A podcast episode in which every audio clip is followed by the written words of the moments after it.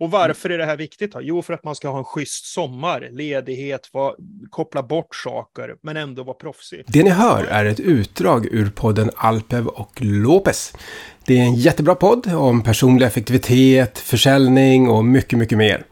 Idag blir det ett gästavsnitt från dem med deras sommarspecial och jag önskar er alla en riktigt bra sommar och i augusti är Projektledarpodden tillbaka som vanligt. Jag som håller denna podd heter Mattias Eibe och nu lämnar jag över till Alpev och Lopez och deras sommarspecial. Varmt välkommen till Alpov Lopez, Sveriges bästa tipspodd om ledarskap, personlig effektivitet och försäljning som drivs av mig, Mikael Alpov, och med mig har jag som alltid Oliver Lopez. I podden kommer du få tipsen som hjälper dig nå dina mål samtidigt som du har kul på vägen.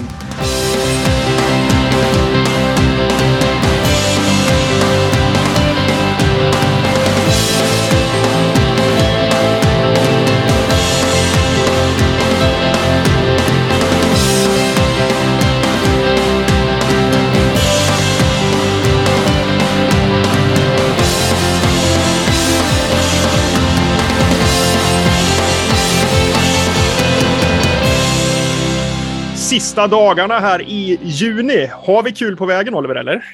Jag, jag har kul på vägen. Jag har alltid kul på vägen. Eh, eh, jag tänker måndag hela veckan, tänker jag, där vi befinner oss just nu, fast på ett positivt sätt. Eh, det återupprepas varje år och vi hanterar det på olika sätt. Eh, vi har ju lärt oss, eller ja, du har ju lärt mig en hel del kring det här med planering och så där. Så att jag tycker mina somrar, planeringen för inför ledighet känns eh, mycket roligare nu än för några år sedan. Eh, för att man känner att, jag känner att jag har mer kontroll och koll på läget. Så att, eh, det, det är ett lite annorlunda avsnitt den här gången. Ju. Det är ju, du och jag brukar ju sitta och brukar prata om det här, hur vi gör och sådär. Men nu har vi lite en annan twist på det, eller hur? Ja, nej men det här sista, apropå traditioner, vi har ju en, en kär tradition att sista avsnittet för året i december, det är ju en uh, Alpo Lopez Awards, där vi hyllar och uh, Ja, sågar tänkte jag säga, olika saker. Och sista avsnittet mm. innan sommarledigheten har ju blivit, eh, sen vi startade mer eller mindre, ett, ett tipsavsnitt. Hur fasen ska man avsluta vårsäsongen för att ha en bra höstsäsong eller vårterminen, höstterminen, sommar, ja, kalla det vad ni vill. Um, mm. Och här har ju vi en massa tips som vi vet fungerar, men vi satt och grundade lite grann på det här. Det finns ju många andra kloka också, tro det eller ej, där ute, um, som, som har åsikter om det här. Så att vi, vi har bjudit in två gäster faktiskt till uh, avsnittet. Och det är två mm. gäster som vi har haft tidigare i den här podden, så att vi kommer att, att ringa upp Mattias Eibe som eh, är en otroligt proffsig projektledare och driver Projektledarpodden. Och sen kommer vi också ringa upp Petra Palmgren Lindvall som är en extremt kompetent styrelsearbetare, vill hon gärna kalla sig. Hon sitter som styrelseordförande, hon jobbar på um, Styrelseakademin med utbildningar inom styrelsekunskap etc. Så att vi ska få lite, lite, lite takes från dem också, vad de tycker är viktigt utifrån sina perspektiv med eh, vad man behöver göra för att stänga och ha en bra start. Så att, eh, det ska bli jättespännande att höra vad, vad de säger. Mm. Men innan, tänkte jag, så så har vi ju några grejer som vi alltid brukar påminna om, som vi ska påminna om i år igen, gällande just det här, hur gör man ett bra avslut? Och det ska bli väldigt roligt att höra om de här grejerna som vi pratar om eh, också kommer att komma igen någonting, inte för att vi är ute efter bekräftelse, men det är rätt intressant att höra utifrån Mattias och Petra där, vad de säger. Så jag vet inte, mm. vill du att jag ska dra några, några grejer som jag brukar tipsa alla företag och chefer och organisationer om? För att, för att få en bra, en bra, ett bra avslut? Eller? Det tycker jag. Låter mm. som en plan. Härligt. Då gör vi det tycker jag.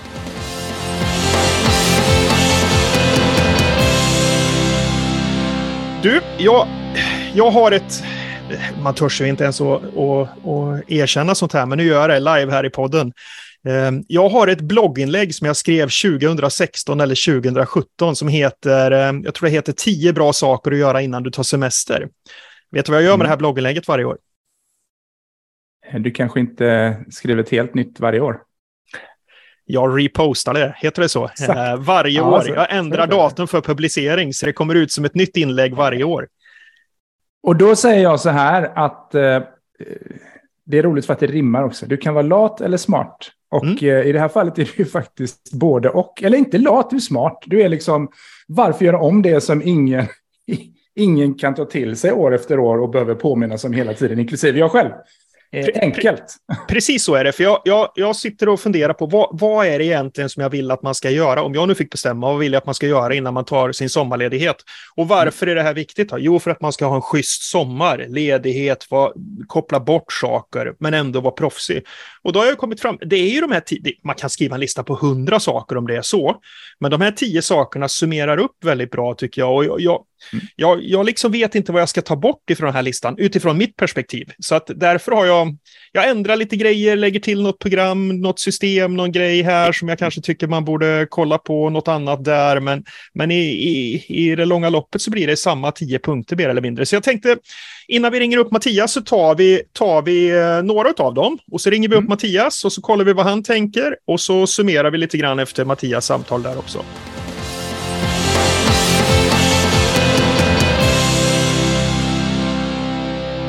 Men punkt nummer ett. Det är ju ingen raketforskning det här, eh, utan det handlar ju om att man behöver sätta sig ner och summera det första halvåret, summera de första sex månaderna. Och här behöver man avsätta tid i sin kalender för att göra det här helt enkelt. Vad har hänt? Vad är det som inte har hänt? Alltså lista ner, ta med ut, alltså få ner sakerna. Hur, alltså man ju, jag har ju pratat i den här podden om AAR, After Action Review. Alltså hur har det gått i förhållande till hur det skulle gå? Har vi jobbat med rätt saker? Det kanske hände någonting. Vad fasen herregud, för ett par år sedan så kom ju pandemin mitt under vårsäsongen. Det var ingen som hade planerat för. Så att det kan ju hända grejer. Så att nummer ett, gör en summering. Och när ni har en summering, då kan ni hoppa till punkt nummer två utvärdera resultatet av första halvåret. Och då är vi verkligen inne på en sån här AAR. Hur har det gått? Har det gått som planerat? Varför har det gått som det har gått? Har det gått bättre? Har det gått sämre? Vad beror det på? Har vi haft möjlighet att styra resultatet eller har det hänt saker utanför kontrollen som jag sa exempelvis där när coviden kom och så där. En annan sak du kan fundera på när du utvärderar och eh, din summering är, jobbar du mot rätt mål? Har du rätt mål överhuvudtaget? Har ni rätt riktning på verksamheten? Ni kanske ska twista om? Herregud, jag läste Dagens Industri i morse här. Ett stort företag som har bestämt sig för den som startade företag ska hoppa av som vd, in med en ny extern vd och så ska de ändra inriktning. Rätt av bara. Tjoff! Mm. Mm. Eh, från en dag till annan. För de har insett att deras gamla affärsidé håller inte. Ny affärsidé, ny vd. Det kan ju hända grejer. Det krävs ju extremt stor, stort mod för att göra sånt, tänker jag. Eh, så att mm. utvärdera resultatet. Och sen nummer tre då, som hänger ihop väldigt, väldigt mycket med det här. Om man ut, summerar, utvärderar, ja men vad kan man göra då? Jo, man kan ju alltid reflektera. Vad kan du göra bättre? Vad kan utvecklas? Vad har du lärt dig av resultatet? Kan du göra annorlunda på något sätt? Kan du påverka din egen utveckling till det bättre? Du kommer ihåg när vi var och träffade Marcus Jodin, vd BK Häcken? Mm. Mm. Vad han berättade om fotbollstränaren för herrarna, Per-Mattias Högmo. Hans mantra var ju att man skulle bli lite bättre varje dag, eller hur? Och att man skulle äga sin egen utveckling. Ja. Ex extremt viktigt, väldigt, väldigt mm. logiskt. Lätt att mm. säga, svårare att implementera kanske. Men det är ju här mm. vi måste hamna allihopa. Alltså, vad kan jag göra själv för att bli bättre varje dag? Det är de enkla sakerna som är de svåra. Det låter lite motsägelsefullt, men liksom, det är inte så svårt att säga att jag ska bli lite bättre varje dag. Men att sen genomföra det istället för att försöka ta de här lejonkliven. Som, träning är jättebra exempel. Det är alltid bra att dra upp det. Liksom. Du, du kommer tillbaka efter julledigheten och så kör du stenhårt i två veckor och sen så är du aldrig på gymmet igen. Alltså, det är väl mycket bättre att göra baby steps och liksom så här, jag, jag, hörde någon annanstans eh, eh, så här att det handlar inte om hur du agerar utan det handlar om vem du vill vara egentligen. Så här, om man säger istället för att säga att jag ska göra det här varje dag så säger man att men, jag är en disciplinerad person och utifrån det sen så kan man då ta beslut skulle jag göra så här som disciplinerad och, och liksom strukturerad person eller skulle jag inte göra det? Och då blir det mycket lättare. Så att, eh, nej, och då bör man reflektera och som sagt, ta lite tid att göra det också. Det är ingenting du gör i farten mellan två möten, utan du blockar tid och så funderar du. Så den är jätte, jätteviktig. Ja, och där kan man ju gärna, om man nu ska göra den här reflektionen och utvecklas, kan man ju gärna slänga in också som en bonus här den klassiska NÖRA-modellen. NÖRA står ju för mm. N står för nuläge, Mm. Vad är det som funkar? Vad är det som inte funkar? Ö står för önskat läge. Hur vill jag att det ska vara? H står för hinder. Vad är det som hindrar mig att gå från nuläget till det önskade läget? R står för resurser. Vad behöver jag? Och det behöver inte alltid vara pengar. Det kan vara tid, det kan vara träningsskor, det kan vara gymkort. Det kan vara att jag faktiskt prioriterar att gå ut och göra den här promenaden på 20 minuter. Och A då är ju aktiviteter. Alltså vad är det egentligen som tar mig framåt? För att man kan ju, man kan ju hålla på och fundera och tänka och strukturera och, och, och, och göra strategier. Men gör man ingenting så är det fullständigt meningslöst, eller hur? Så är det, um, exakt. Jag älskar det kinesiska ordspråket, prat kokar inget ris. Det är världens bästa ordspråk. Ganska, alla, det är ganska talande faktiskt. Ja, det, är alla, det, det finns inget bättre. Prat kokar Nej. inget ris. Så enkelt det är, är det. Så att, um, Sen måste man ju prata om vad, hur man ska koka riset, men prat kokar ja. inget ris. Glöm aldrig det. Så att reflektera, gärna med Nöra-modellen. Um, punkt nummer fyra då. Gå igenom din planering för första halvåret och stäng kalendern och att göra-listan. Jag tjatar ju om det här när vi gör vår veckoavstämning, alltså att man ska stänga veckan, gå igenom kalendern och att göra-listan. Här tycker jag att vi ska göra exakt samma sak och det här kommer ju gå väldigt, väldigt snabbt om man har gjort sin vecko, veckoavstämning under året. Men samma grej, gå igenom vecka efter vecka, månad efter månad, gå igenom och kolla. Titta så att det inte ligger någonting som är superrött på att göra-listan som har legat där i två, tre månader. Då ska man ju istället fundera på, ah, men varför i hela världen ligger det här kvar efter två månader? Det kanske inte är så viktigt. Det kanske inte Nej. är relevant. Det kanske inte är intressant. Det har ju blivit världens största surdeg här nu. Ska jag göra det? Ska jag inte göra det? Alltså bort med det om det inte ska göras, tänker jag. Så att mm. eh, det handlar ju om att, att vad säger man på, på bokföringsspråk? Stäng böckerna helt enkelt. Alltså det är ju mm. det, är det det handlar om. Stäng mm. det som har varit. Och sen det femte och sista här nu innan vi ringer upp Ma Mattias där. Strukturera upp allt ditt material. Och förr i tiden, när jag började med det här för nästan 20 år sedan, så var det ju vad menar man med material? Ja, det menar man alla de här stora pappershögarna som folk hade på sina skrivbord. Det skulle se så jädra busy ut. Jag hade högarna där och där och så fanns det mm. alltid Kalle som visste vart alla papper låg i de här jävla högarna. Eh, så att han behövde ju inte ha någon ordning. Oh, jag blir irriterad bara jag tänker på det. Eh, strukturera upp allt ditt material. Och här pratar vi ju givetvis då papper, om man nu har det. Eh, men vi pratar mail, vi pratar OneNote, vi pratar Evernote, vi pratar saker ni har i Dropbox, vi pratar saker ni har i OneDrive, vi pratar, pratar ni har i Google Drive, anteckningsappar, vad det ni använder för någonting. Alltså allting som ni har ska ha en plats. Ja. Det ska vara insorterat. Och vad är egentligen grejen med det? Här? Jo, ni ska ju veta och kunna använda materialet ni har. Annars är det ju skitsamma att ni har materialet. Eller hur? Alltså, den här är ju så här.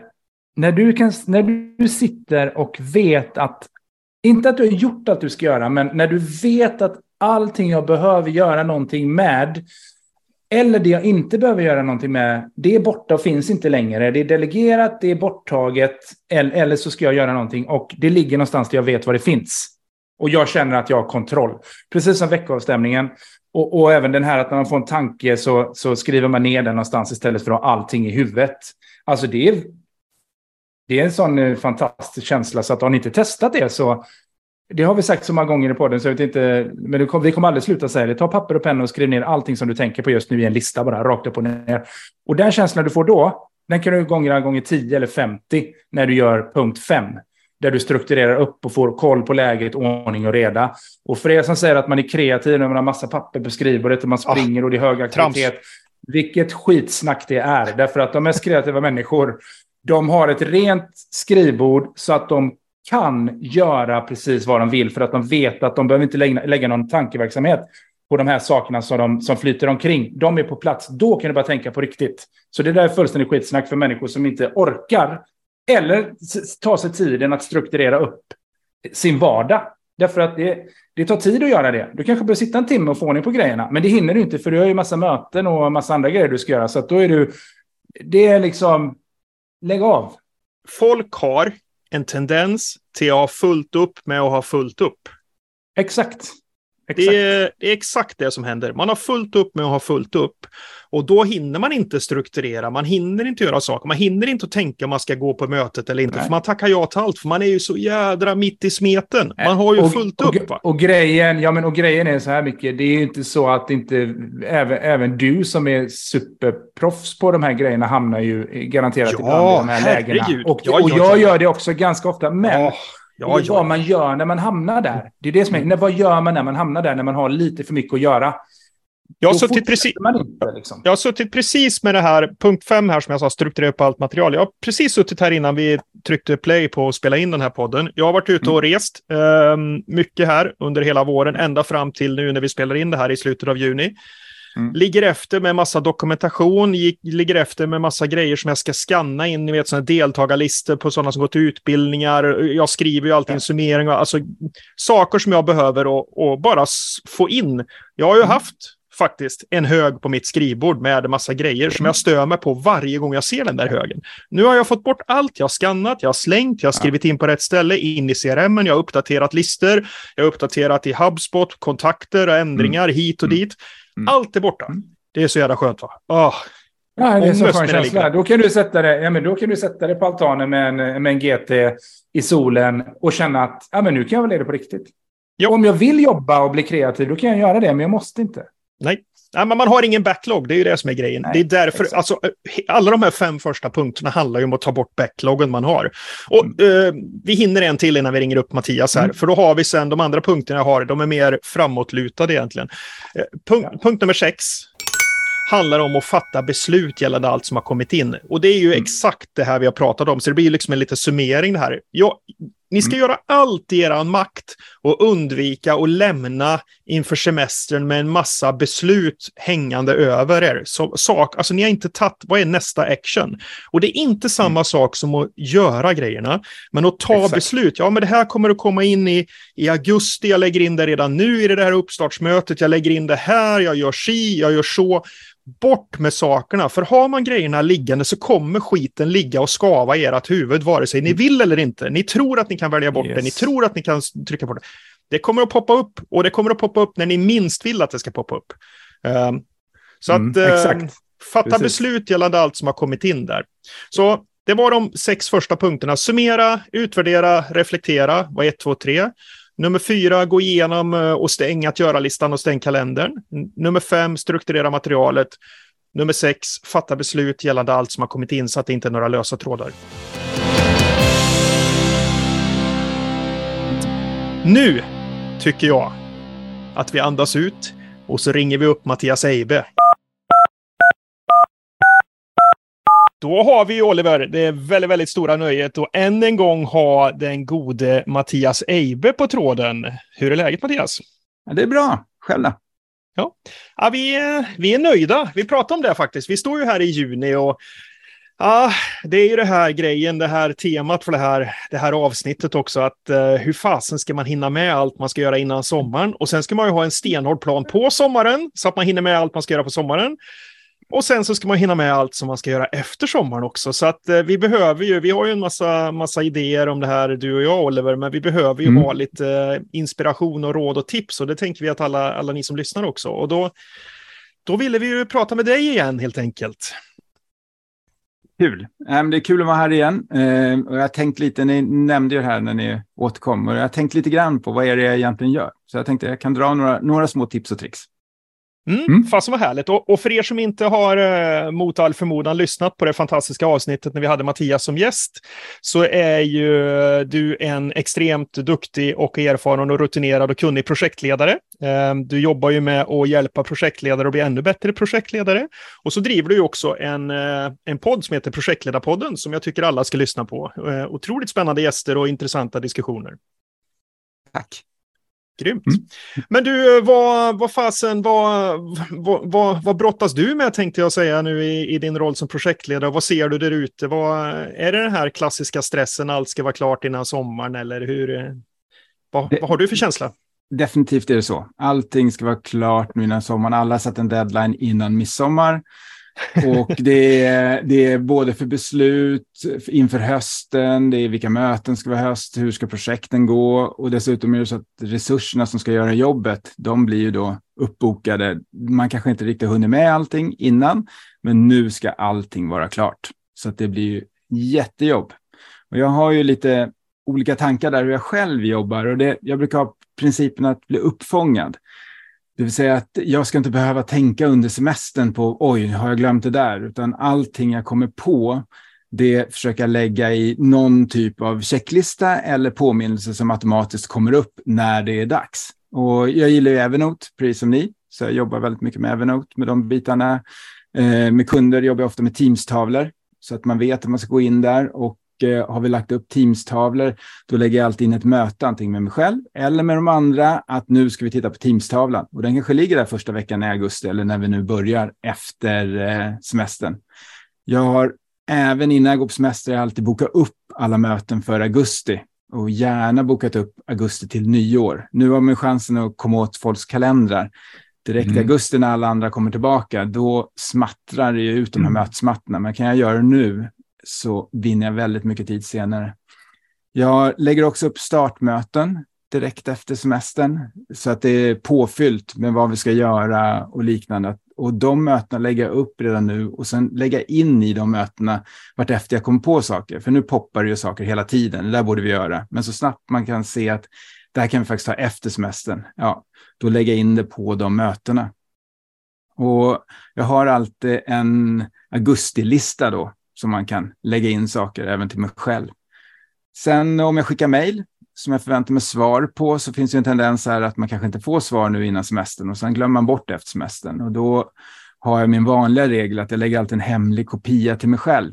Och eh, skickar regeln hemlig kopia till mig själv, då ligger en regel i Outlook att den läggs in i en bevakningsmapp. Och det gör då att den tömmer jag nu innan jag går på semester, men sen så eller jag går igenom den i alla fall. Och sen efter semestern så är det första jag gör och kollar vilka är det som inte har svarat och sen poppar jag iväg de mejlen igen. Och då behöver jag inte ligga och tänka på det. Och sen så börjar jag alltid någon dag innan jag sagt att jag ska börja efter semestern. Så att jag kanske säger att jag börjar en måndag, men jag kanske faktiskt börjar på torsdagen innan och då går jag in och rensar och planerar, rensar mejlen och alltihopa så att jag fokuserar när jag kommer tillbaka. För annars börjar jag ju med att ha en eh, restlista redan från början. Eftersom på måndagen då är det möten, alla vill prata och då om jag har en mejlkorg som är full, vilket jag inte gillar, utan jag brukar ligga på en 10 mejl max i mailkorgen och det vill jag börja med redan från början så man ligger rätt där. Och sista saken då som jag kom att tänka på nu, det var om jag skickar mejl under semestern så brukar jag överväga om det här måste landa under semestern eller om jag bara lägger en fördröjning på det så att det landar hos de andra. Och då kan man tycka att ja, men det är snällt mot dem att jag inte skickar iväg det där mejlet nu under semestern så de blir störda. Men det är lika snällt mot mig för jag slipper få ett svar under semestern. Så det var några sådana här saker jag hade. Sen, sen har jag en sån här princip också med lean som jag gillar. Att om man planerar till 80 procent så toppar man på 100 procent. Och planerar man till 100 procent, då toppar man på en 120 procent. Jag lyckas inte med det här, men jag försöker i alla fall att göra så att jag, att jag planerar och kanske låser fredagarna om det går och sen har jag det som buffert för resten av veckan. Och Det är därför jag kan göra en sån här rolig sak och prata med er på fredagen. Här. För att jag har en sån buffertdag när jag kan göra saker. Och det låter lyxigt, men faktum är att man behöver ha det för att jobba igenom och göra texter. Jag sitter och förbereder styrgruppsmöten idag och liknande. Och sen så sista saken jag tänker på också, det vid den här tiden på året brukar jag alltid tänka på vad är det egentligen som är kul? Och det får jag jobba lite med i sommar. Och vad är det jag vill göra i höst? Det var några saker. Ni får gärna prata.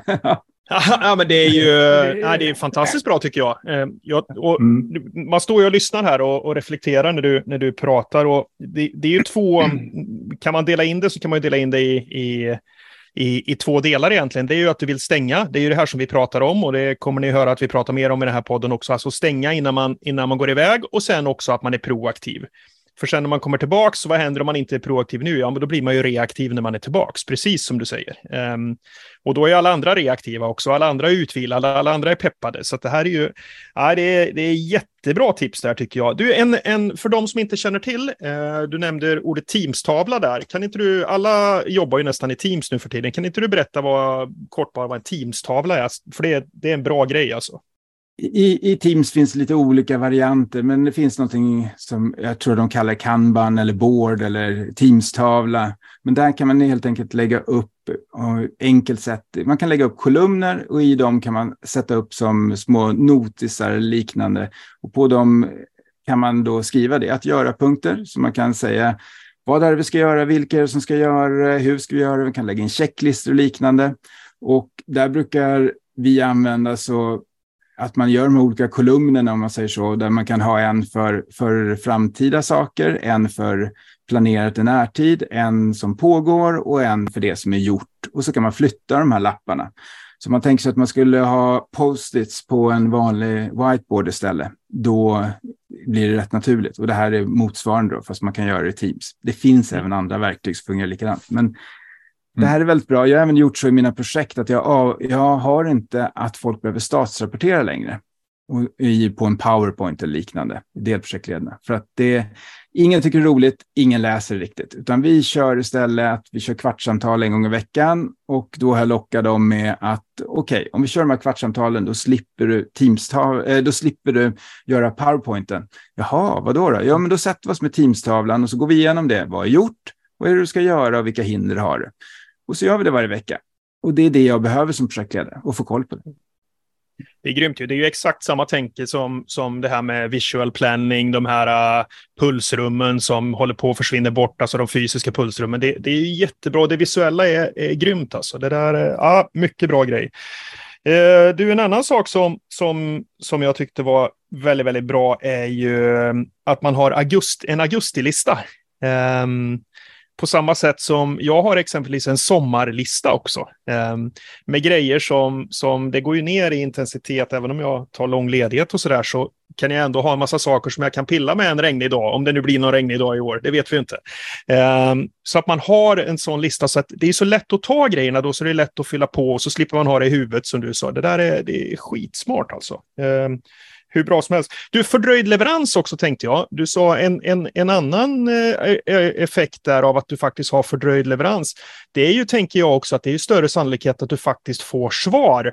För skickar du det under sommaren så kommer det bara försvinna i människors brus. Eh, det tycker jag man råkar ut för ibland när man liksom har någonting man måste göra och så vill man ha något. Så, alltså folk går in och läser det, de sitter på stranden kanske, går in och tjuvläser mejlen och så glömmer de bort att svara och så är det borta. Så det här med fördröjd leverans, det blir ju det blir ytterligare en uppsida att man skickar den när faktiskt folk har någon form av ja, attention span, eller vad man ska säga. Liksom. Så att, uh... Har inte tänkt på det, men det är ju faktiskt så. Det hamnar överst i inkorgen då. Helt klart. Lite så, lite ja. så.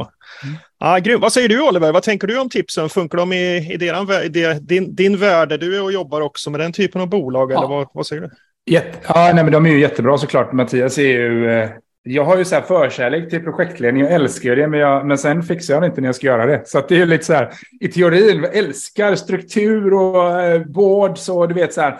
Och de här tipsen är också så här grejer som gör att det har varit så jäkla kul att ha med dig, eh, Mattias, och prata med dig nu igen. Eh, sälj och, och marknadsföring. Sälj så här, boka säljmöten redan nu i augusti-september för att kunna driva affärerna vidare direkt efter sommaren. För det vet man ju själv, vissa är ju tillbaka så här kommer i början på september och så ska du hitta tid och så är det i oktober, då är det Q4 liksom. Lycka till att stänga den budgeten. Så att, så att, eh, och sen älskar jag den här eh, att du officiellt är tillbaka på måndag men du börjar torsdagen innan. Den är ju briljant. Det är ju typ det bästa.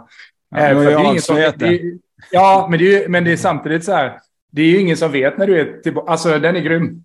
Och, och sen också det här med att det här tycker jag också om att eh, ja, man gör det ju för kunderna och de man kommunicerar med, men det här med mejlet som är fördröjt är lika mycket för din egen skull.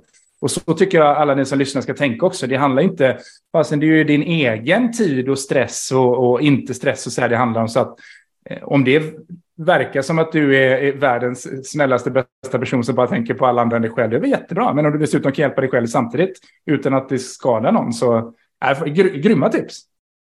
Det låter ju som man är perfekt och sådär, men då kan jag säga det ja. att eh, det, det, blir ju inte riktigt så. Till exempel så brukar jag alltid försöka låsa så att man inte har någonting under semestern. Jag brukar alltid misslyckas med det så att det poppar upp att man måste ha en avstämning någon gång i veckan med några polacker som sitter och jobbar eller liknande. Men om man ändå, om man siktar på 100 procent kanske man når 90 i alla fall. Alltså vi är ju inte, vi är ju eh, ännu inga robotar. Även om vi touchar på det varje dag. Vi har haft ett avsnitt av AI så är vi faktiskt människor. Och det är ju det som är både charmen och utmaningen, tycker jag. Det var skittråkigt om allt bara skulle vara 100% på räls och aldrig skulle hända någonting som inte är, äh, det är så det funkar. Ja. Jag gillar det du sa Mikael också om det här med att göra den där sommarlistan. Och då kan man tänka på, då kan man faktiskt fördela den sommarlistan så att man har sommarlista för regnig dag, sommarlista för solig dag och liknande. Mm. Ja, men så är det ju. Alltså, det, och framförallt så ger ju det, det ger ju samma effekt, tänker jag, det här med eh, alla har vi väl olika pulsering av vårt arbetsår, eh, men håller man på med utbildningar, föreläsningar etc. så är det ju inte samma kanske som, som projektlederiet liksom med den pulseringen, utan det går ju upp och ner och, och framförallt under den här, den här sommarsäsongen så är det ju inte några utbildningar, inga föreläsningar för alla vill ju vara lediga. Och då får man ju passa på att göra allt det här förbättring, utveckling, förfina, ta bort, lägga till nya bilder, nytt material, skriva nya manus till föreläsningar. Alltså, och, och då är det rätt skönt att ha en lista där man har poppat in allting som dyker upp under. För det här, det här har jag, den här listan har jag ju fyllt på sedan januari eh, fram till nu. Och då har man ju en fantastisk bruttolista. Så det är säkert saker nu som är aktuella och saker som, nej men det där, hur tänkte jag där? Det här är ju helt ointressant nu. Ja, men stryk det direkt då. Men då, då har man allting på en och samma plats, vilket det ger ju, vad är det du pratar om egentligen här? Du pratar ju om kontroll, överblick, lugn och ro, proaktivitet och det är ju det vi vill ha allihopa och det kan man ju göra genom en massa smarta knep som du säger.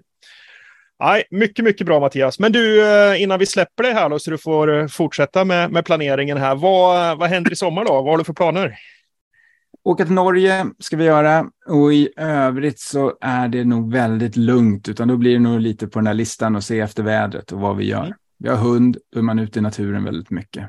Eh, men en sak jag tänkte på som jag tänkte fråga er, det hur agerar ni när ni ligger där i hängmattan? Det poppar idéer, för det räknar med att det gör hos er också jag gör ju så att jag skriver ner dem på en lista bara för att inte ligga och tänka på dem hela tiden. Hur gör ni? Samma. Eh, eh en eh, app i telefonen som ibland skiftar, men oftast är det samma. Så att bara braindump, så här man skriver bara precis det man tänker utan någon, jag gör det, utan någon struktur och planering. Det är bara det med tankarna. För att sen när man tittar på det, just det, och då kan man ta action på det. Men det är som du sa Mattias också där, att bara rensa skallen så fort det är upp. Du vet, man är ute och tar en promenad och lyssnar på en podd till exempel. Eh, och det har vi haft tips om i podden. Det finns ju så här poddar där du kan spara så här snips, alltså så att i ljudet blir text. Ja, det finns massa grejer, men eh, spara direkt, töm hjärnan bara. Helt samma. Ja. Jag gör exakt samma. Jag har en, eh, en speciell plats i en anteckningsbok i Evernote där jag skriver upp i en sån. Det blir, det blir, det är en, jag har skapat en, en bullet, bullet, en punktlista helt enkelt. Så mm. när jag skriver något nytt så blir det en ny punkt bara. Och det är samma sak där. Och det ligger faktiskt med i min veckoavstämning att jag går in och rensar den med, med jämna mellanrum också. Så att eh, det är, det är samma, samma princip liksom. Eh, sen kan man ju inte låta bli att tänka om man kommer på något supersmart, tycker man i alla fall själv. Men, men det är skönt att få bort det, för jag tycker mm. fasen, man, man glömmer lika snabbt också som man kommer på de här bra grejerna. Så det, det, det gäller att fånga, fånga ögonblicket där och skriva ner det på något sätt. Liksom. Annars är det borta, för det kommer ju någon ny smart idé, tycker man. Exakt. Så att, eh, mm. Ja, så är det. Ja, fasen vad härligt då. Men du, eh, nu sa jag innan vi släpper det här, fick du berätta vad du ska göra i sommar. Men absolut innan vi släpper dig, vad, vad händer i höst då? Har du några spännande, roliga saker? Det är klart du har, det har du alltid. Men eh, vad händer under hösten då? Vad ser du fram emot? Jag har två saker som jag ser fram emot. Det ena är ett projekt som jag har, som jag jobbar med i över ett år nu, då, som går live här i Sverige i, i november. Eh, jättespännande med eh, för de som är insatta, men nog inte spännande för så många andra. Det handlar om mätning och avräkning av el. Så det, ja. och, och sen så kör utbildning och då ska jag köra utbildning uppe i Norrbotten och det ser jag fram mm. emot med ett stort företag där mm. uppe. Mm. Det ska kul. bli kul att träffa på dem och lära känna ett nytt företag. Ja, och vara i Norrbotten också. Där hänger man ju inte, inte jag i alla fall, speciellt ofta. Nej. Så att, äh, Sverige är fantastiskt. Det är kul att se. Ja. Schysst! Du, har du något eh, sista du vill skicka med till våra lyssnare? Eh, förutom att de ska ha en bra sommar, men eh, vad, vad blir slutorden? Ha det lugnt och skriv upp när pop hjärnan poppar. Mycket bra, mycket bra. Du, stort tack Mattias för att du tog dig tiden här mitt i, i brinnande slutforceringen här. Så, så hörs och ses vi säkert i den här podden igen framöver. Jättehärligt. Stort tack för att jag fick vara med igen. Ha det gott. Tack själv. Tack själv.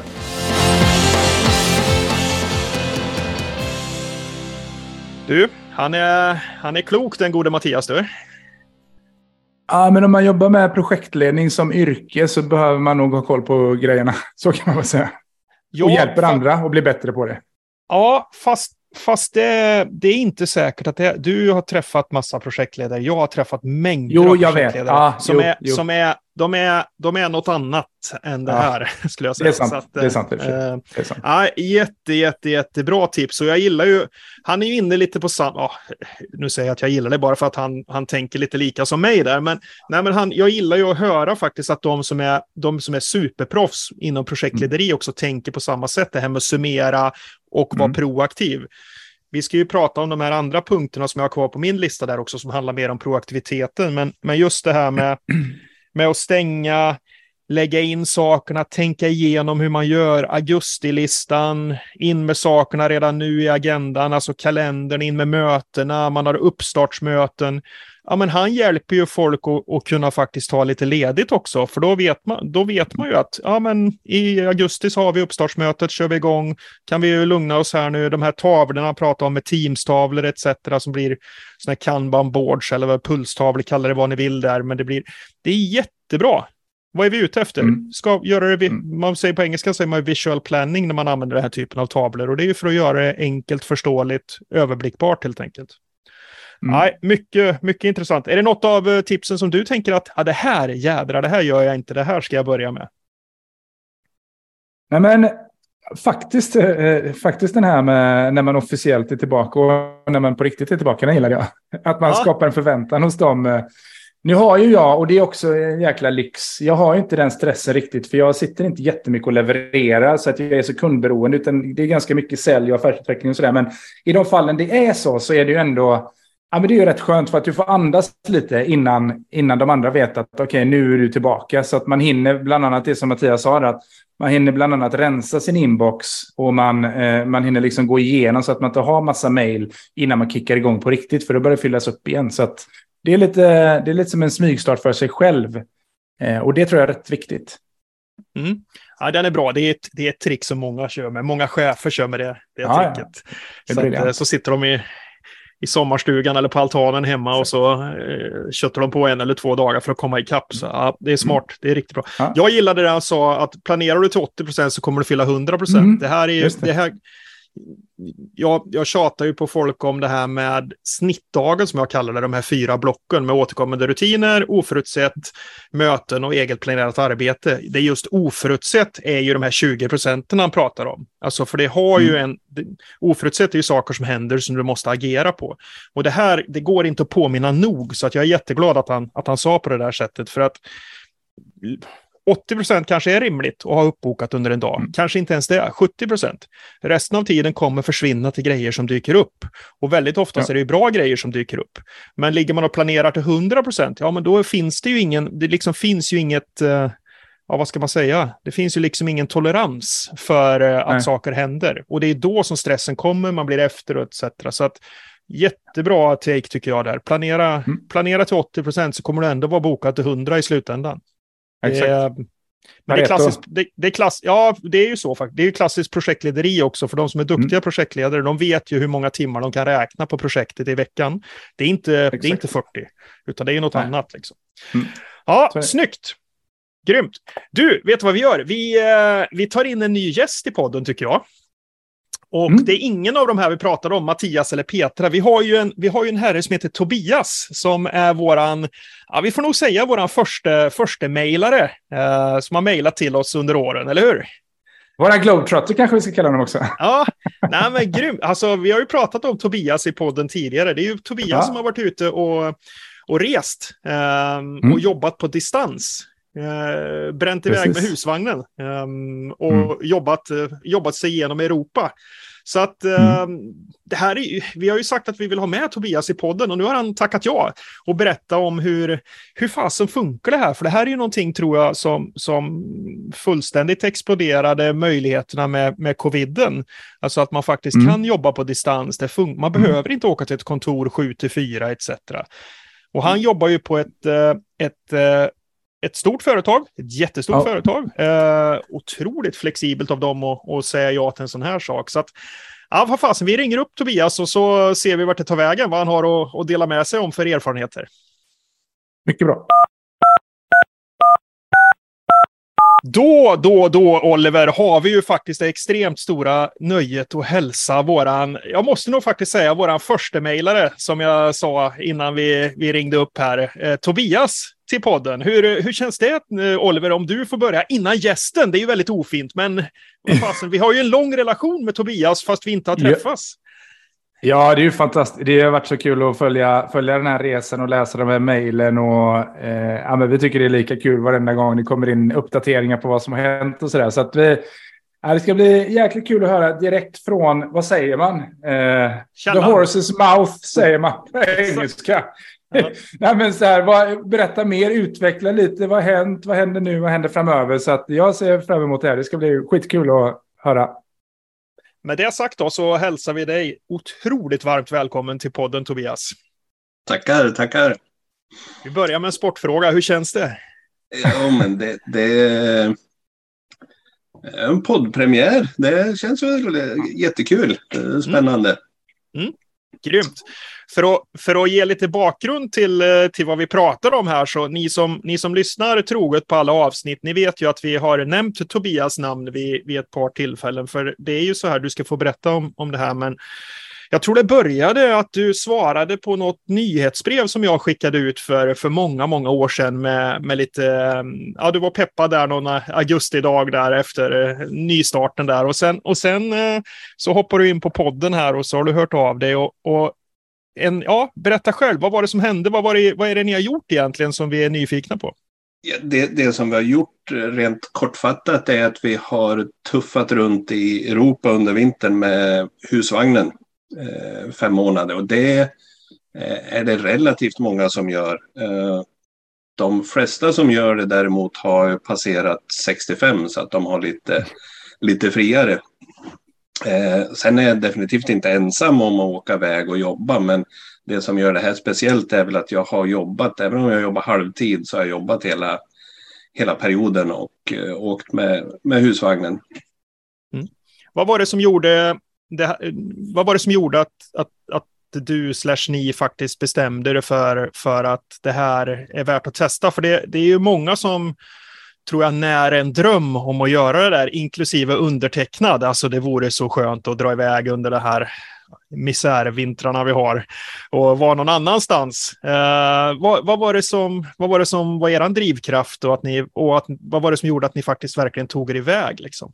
Ja, och, och det är nog två helt olika saker. Som du säger, det är nog mm. många som, som drömmer om det. Och så var det för oss också, att det var ju liksom en en väldigt diffus dröm eh, om att egentligen tillbringa vintern någonstans varmare.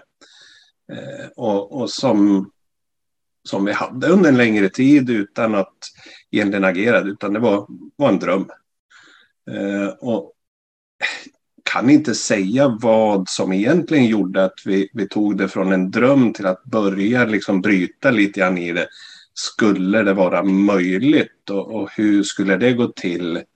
Vi har en, en gård och hästar och, och, det är hemskt lätt att bli, bli liksom fast i sin vardag och säga att den här livsstilen gör att vi kan inte åka på långresor. Och det finns ingen som säger emot det. Nej. Mm, men om man vänder på frågan och säger att om vi skulle åka på en långresa, hur skulle vi göra med hästarna? Mm. Och då visar det sig att det är inte så jävla svårt. Antingen så kör man dem till, till någon som sköter om dem. Man har någon som kommer hit och sköter om dem. Eller man har någon som bor här och sköter om dem. Och, och så har det lite olika för och nackdelar och, och priser. Mm. Eh, och i vårt fall så bodde dottern som också rider i vårt hus, skötte om huset och hästarna. Eh, så var, var det liksom praktiska löst den här gången.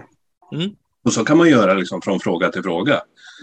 Om man, om man utgår från, från att det går att göra, hur, hur skulle man hantera det då? Eh, en stor... Eh, sådär. Vi, så jag vill inte åka och jobba heltid.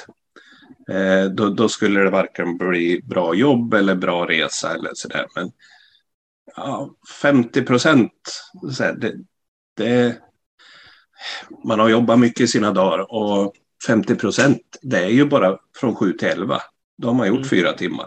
Mm. Är, det, är, det, är det så du har delat, eh, nu blir jag nyfiken här, är det så du har delat upp jobb eh, mot privat, att du jobbar förmiddagar? Yes. Ja, smart. Att jag, jag, och av flera orsaker. Dels så, så insåg jag att jag ville ha det tydligt för att jag ville vara så mycket i fred som möjligt den tiden jag inte jobbade. Eh, folk idag är ju van med att jag, jag är tillgänglig. Eh, och, och eh, ett sätt då, så att jag, jag jobbade varje dag, varje vardag, 7 till 11. Eh, och sen hade jag en stående kalenderbokning från 11 till 18 varje dag i fem månader. För att undvika så många möteskallelser från, som möjligt. Jag kommunicerar till eh, ja, de, de, som jag jobbar närmast. Eh, jag har ett jobb där jag har väldigt mycket kontakter. Så att eh, kommunicera början och faktiskt innan jag åkte så lade jag till i e-postsignaturen att eh, från förs, första november till eh, mitt eh, sista mars tror jag hade skrivit så jobbar jag halvtid vardagar 7 till 11. Mm. Och, och man, man, kan faktiskt uppfostra folk rätt bra. Man är lite tydlig med det. Ja, det, där, det, där är ju, det där är ju jätte, jätteintressant. Om vi bara tar det enskilt, där du sa det sista här nu. För vi, det här, temat för, för, eh, för den här podden är ju inte distansarbete i Europa i en husvagn egentligen. Men det, men det flyter ju ihop så mycket med, för temat för den här podden är ju hur ska vi göra ett bra avslut och en bra uppstart inför hösten egentligen. Och en av de grejerna som, som jag kommer prata om lite senare i den här podden, det är just det här med tydliga förväntningar.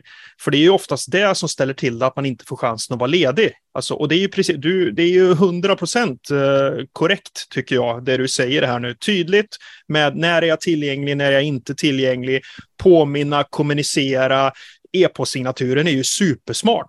Alltså det, ju, det, går ju iväg hela tiden och då hamrar man ju in det. Eh, mm. och, och, då är det ju förväntningar för att det blir ju både åt bägge håll. Det blir ju att du får det bra och att de vet också när de kan få tag i det. Så det är ju liksom win-win situation. För annars sitter de och är frustrerade och kallar dig till möten på eftermiddagen och mejlar dig efter klockan tre. Du kommer ändå inte svara förrän sju dagar efter. Så att det där är, ja, det är jättesmart. Jätte, jättesmart. Uh, ja, Grymt, men du, eh, när ni, och sen, jag gillar ju också det här, om det hade fungerat, hur hade vi gjort då? då? Eh, alltså man vänder på hela problematiken. Alltså det är problem, det är utmaningar, det är svårigheter, men det kanske hade funkat. Eh, hur hade vi gjort om det hade funkat då? Eller hur ska vi, alltså den, det är ju ett mindset skulle jag säga. Så att, äh, jättespännande. Och, och hela den resan från en som vi säger, en luddig dröm där vi inte ens... Eh, vi hade ju bara tänkt något varmare land. Vi hade kanske inte ens tänkt husvagn från början. Utan sen till att det formar sig lite grann till att man börjar bryta i liksom rent praktiskt är det möjligt med, med gården, med jobbet, med ekonomin. I praktiken så gjorde det så att jag gick formellt ner på 80 procent. Eh, sen sparade jag fyra veckors semester vilket är en dag i veckan i 20 dagar. Och, och sen har vi ett arbetstidsförkortningskonto. Mm. Så att fyra, fyra timmar där så var man nere på 20 timmar i, i veckan. Mm. Du, vad sa, eh, vad, sa, vad sa chefen när du kom och sa du, jag har tänkt på en grej här, jag tänkte ja. vara borta här i ett halvår i, i Europa liksom. Och, och det där är ju, uh, om, om det första är ett mentalt hinder, att man är låst i, i vad man har, så har vi en helt annan typ av mentalt hinder i när man ska kalla till ett möte och presentera det här. Så att, eh, men vi har en, en god relation och vi, i det här så, så bytte jag jobb samtidigt. Så jag tog faktiskt det här mötet med det som skulle bli min kommande chef. Eh, jag hade lite ah, mittemellanläge sådär på, på jobbet. Eh, och Ja, men det, det togs emot bra. Däremot då så från det att vi hade haft det här mötet på våren någon gång, eh, april kanske, så hann ju han anställa en till chef eh, som hamnade emellan. Så att jag fick en ny chef då, eh, mellan honom och mig. Och ja, när det började närma sig åka så skulle jag ändra så här, mobilabonnemanget så att jag fick mera surf. Så att i, i något sammanhang där så sa vi det, du kan jag få två minuter? Och han såg ut som ett jättefrågetecken så jag var tvungen att fråga. Eh, har ja, vår gemensamma chef då pratat med dig om eh, vad jag hade för planer i vinter? Nej. Ah. vad såg du framför dig då? då? Totalt nej? Och då var det typ tre veckor kvar till vi skulle åka eller någonting. Allting var klart på plats. Och jag kände att jag hade ju det löftet, men det hade ju inte varit någon, någon rolig resa att börja med. med liksom. Så att äh, vi ska nog ha lite mer än två minuter. Och så fick jag berätta alltihopa igen och mm. han var helt tyst och så sa han, jäklar vilken häftig grej. Ah. ah så att, eh, perfekt. Uh. ah. Men vilken, uh, fantastiskt att säga det. Alltså han kunde ju ha sagt, nej herregud, det här går inte. Så ja. har vi aldrig gjort förut, det funkar nej. Nej, uh. att, uh, nej, det är stort eh, stor eloge till, till modiga chefer. Mm. Verkligen. Verkligen. Flexibla chefer. Alltså moderna chefer tänkte jag säga. Massvis med fina ord kan man säga. Ah, kul.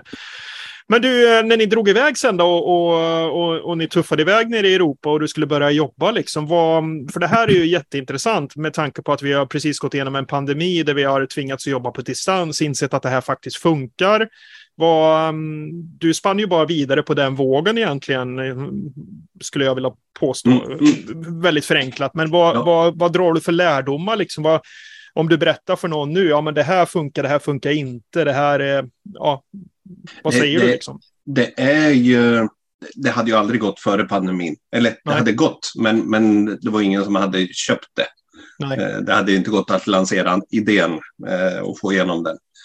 Eh, så det är väl någonting positivt vi fick, fick med oss av, av det här ändå. Sen är ju distansarbete handlar ju liksom inte om distans. Eh, Nej. Det, det, har ingen betydelse om jag sitter i Spanien eller hemma eller på ja, Jo, det har betydelse om jag sitter på kontoret. Men om jag sitter på ett café utanför kontoret så, så är det samma sak som om jag sitter på en strand i Spanien. Eh, förutsatt att tekniken funkar. Den har funkat förvånansvärt bra. Eh, flera möten som, som jag har suttit i där jag har fått frågan om vi har kommit hem redan. Man har precis som här en virtuell Aha. bakgrund och, och, och, och liksom. eh, sitter man i ett mer formellt sammanhang som har mer formell bakgrundsbild. Så, så här, ja, är ni hemma redan? Så, tar man bort bakgrundsbilden och visar sig. Nej, inte riktigt än. Ja, du skickade en bild till oss under när du satt på stranden där. Mm. Det var, då skrev du att någon hade frågat om du om, om, ja, det var en virtuell, virtuell, bild fast det var en riktig bild. Liksom. Ja. Så att, uh, det är då eh, man sätter på klubb. Det kan man, kan man säga. Man har fått en ny, ny syn och ny definition för öppna kontorslandskap. Mm. Stranden är ett väldigt trevligt öppet kontorslandskap. Mm. Ja. Men du, vad har, vad, har, vad har kollegor och sånt sagt när du... Eh, har, de, har, har, har alla ens fattat att du inte är på plats på där du egentligen brukar vara? Liksom? Är det någon som har reflekterat över, jag tänker din, din produktivitet, din performance, alltså närvaro, alltså eh, har det, har det varit några sådana diskussioner eller? Eh, det har, vi, vi sitter ju en grupp då, eh, som är spridd över hela landet. Så att vi, vi mm. har ju, även om alla sitter på kontoret så har vi Teams-möten. Ja. Eh, och, och, här har det varit liksom känt och, och, många av de här när vi har haft avdelningsmöten så har ju första frågan varit vart är Tobias idag då? Mm. Och, och, så har det varit lite diskussion om det. Mm. Sen har det varit andra möten, både internt och jag har mycket möten med kunder. Eh, där det ibland inte har liksom varit en diskussion, man kanske inte har så nära relation. Så där har det liksom, inte för att man har mörkat det, men det har liksom aldrig varit en, en, en fråga. Så att man har kört mötet precis som man skulle ha gjort ja. om man satt, satt hemma. Men det är ju ingen fråga egentligen. Det var ju lite det jag var ute efter att du hade hoppats att du skulle säga. För att det är ju egentligen ingen fråga. Alltså, Um, vart man sitter, om du sitter på, på en strand i Spanien eller om du sitter på ditt kontor som vi inte ska säga vart det är. Eh, men, men, men, men det spelar ju ingen större roll egentligen. Alltså, så att, eh, det, det, är klart. Sen kan jag väl säga att just eh, stranden är ju inte så jävla praktisk att sitta och jobba på. så att det, det är ytterst få tillfällen, men, men ja. det gör sig bra som historia. Ja, nej men, nej men stranden blir ju en, en, blir ju en metafor i det här fallet. Ja. Liksom. Det är ju, Ja, ja, det där är ju, vad, vad, vad skulle du säga, vad är det, de största, ni är ju hemma nu sedan en stund tillbaka. Vad, vad, har, vad är de största lärdomarna som du har dratt både jobbmässigt men även eh, ja, livsmässigt tänkte jag säga. Ehm, för det, det händer ju grejer för er i, i livet också när ni har kommit hem vet jag.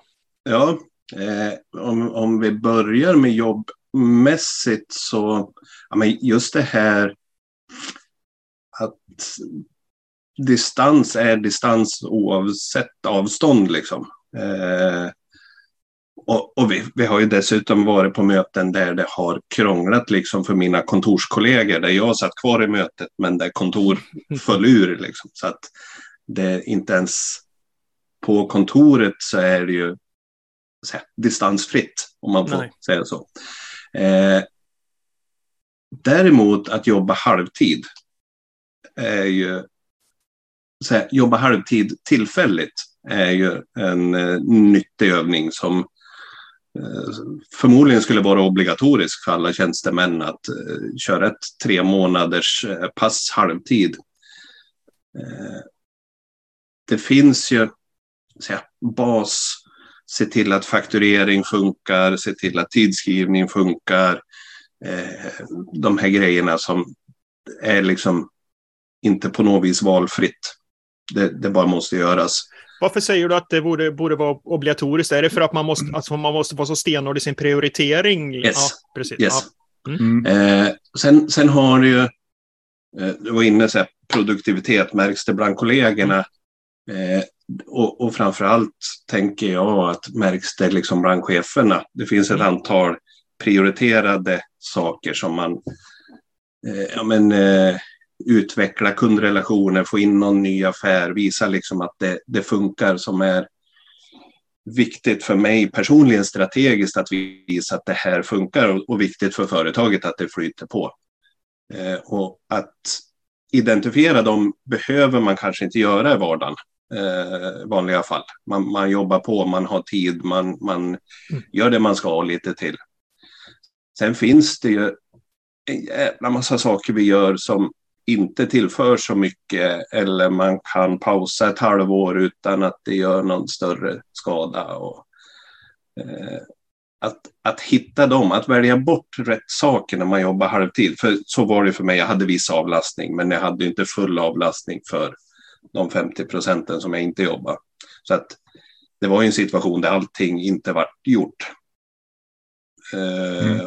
och då gäller det att vara jävligt noga med att det är rätt saker som inte blir gjort. Mm. Och lite grann det, det som jag pratar med tydlighet här. Jag kan ju bedöma någonting som oviktigt och säga att det här gör inte jag. Eh, för att jag har bara 20 timmar i veckan.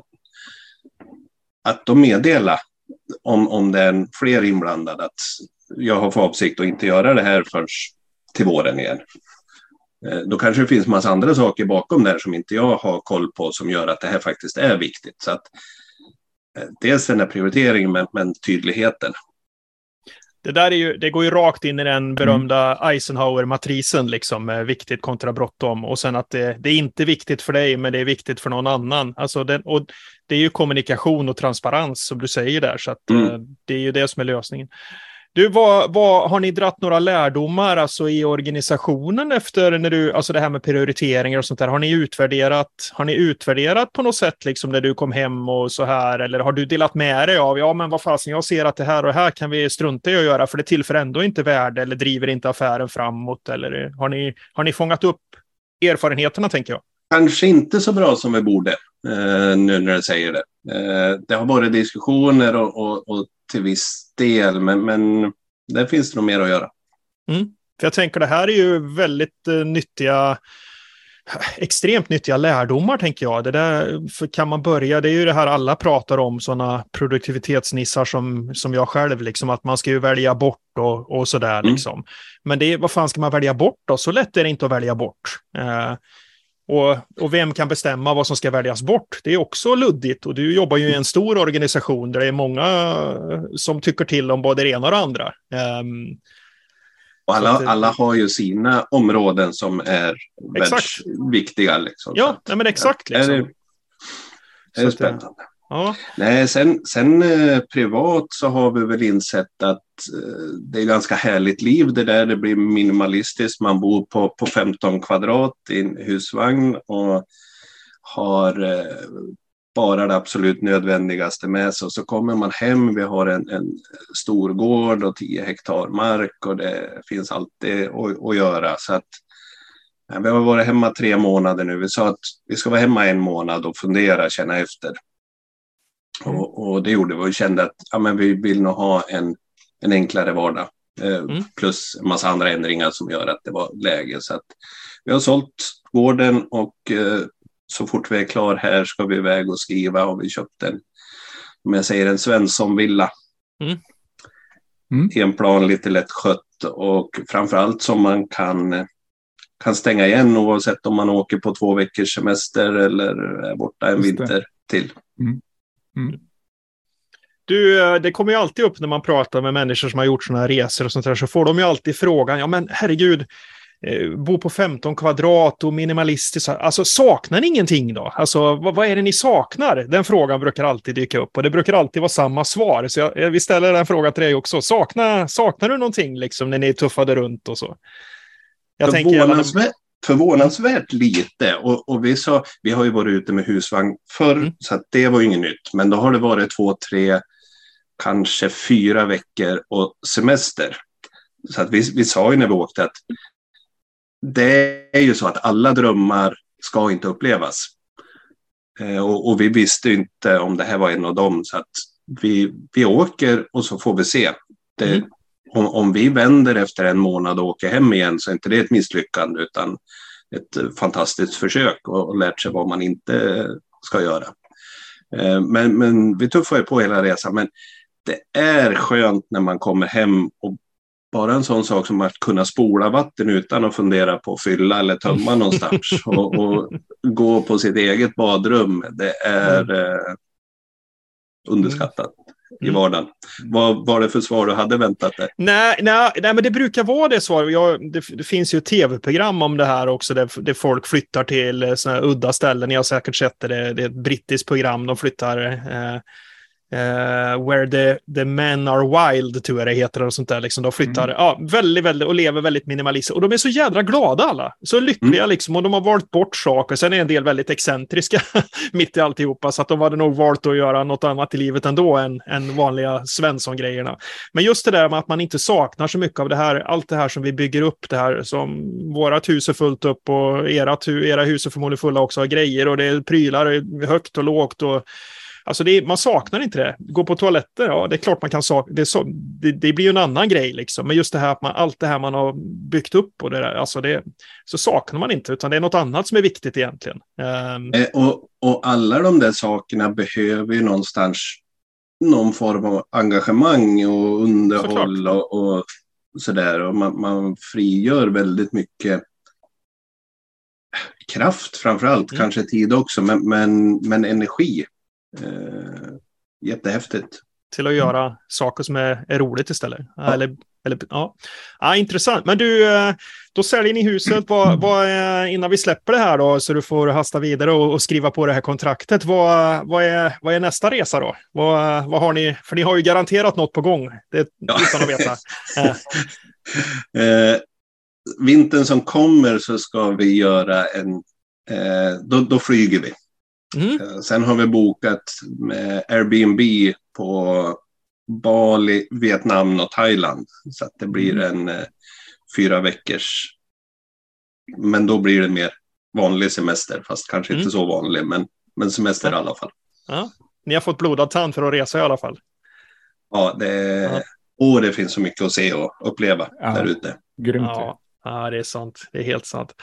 Ja, fasen vad härligt Tobias. Stort tack för att du, du tog dig tid och var med och dela med dig. Och det är ju ja, otroligt intressant tycker jag. Om du skulle få avsluta, avsluta är det något är det något råd du skulle vilja ge? Man, man, vi, vi, vi spottar ut oss råd i den här podden, så här får man göra vad man vill med, med de här råden och tipsen. Men är det, något, är det något råd du skulle vilja skicka med till alla som lyssnar och som kanske går i de här banorna och funderar lite grann på kan man göra det här och tänk om och allt det där?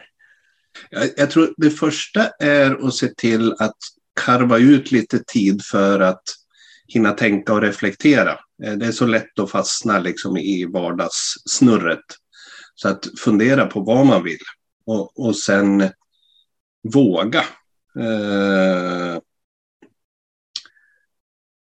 när man gör en sån här resa, man, man, man kan inte förbereda sig så att man har alla svaren, men man kan förbereda sig så att man har ett skapligt hum om vad man förväntar sig. Och, och sen eh, ha, ha liksom det självförtroendet att det, det som dyker upp, det löser vi. Vi fick lite tekniska problem med husvagnen, fick beställa reservdelar från Sverige och stå på, på en camping och skruva lite. Det, man löser det mesta. Mm.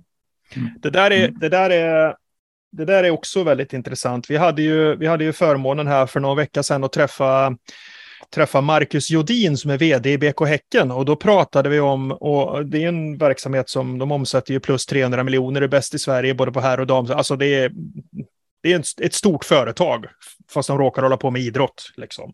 Men då pratar ju han om beslut och det här med och, och modiga beslut. Och då hamnar vi i en diskussion lite grann, vad är modiga beslut? Alltså, det ligger ju i betraktarens ögon vad som är modigt egentligen. Och du säger ju samma sak här, våga, det hänger ihop med mod tänker jag. Men och att, sen säger du samtidigt att man ska förbereda sig.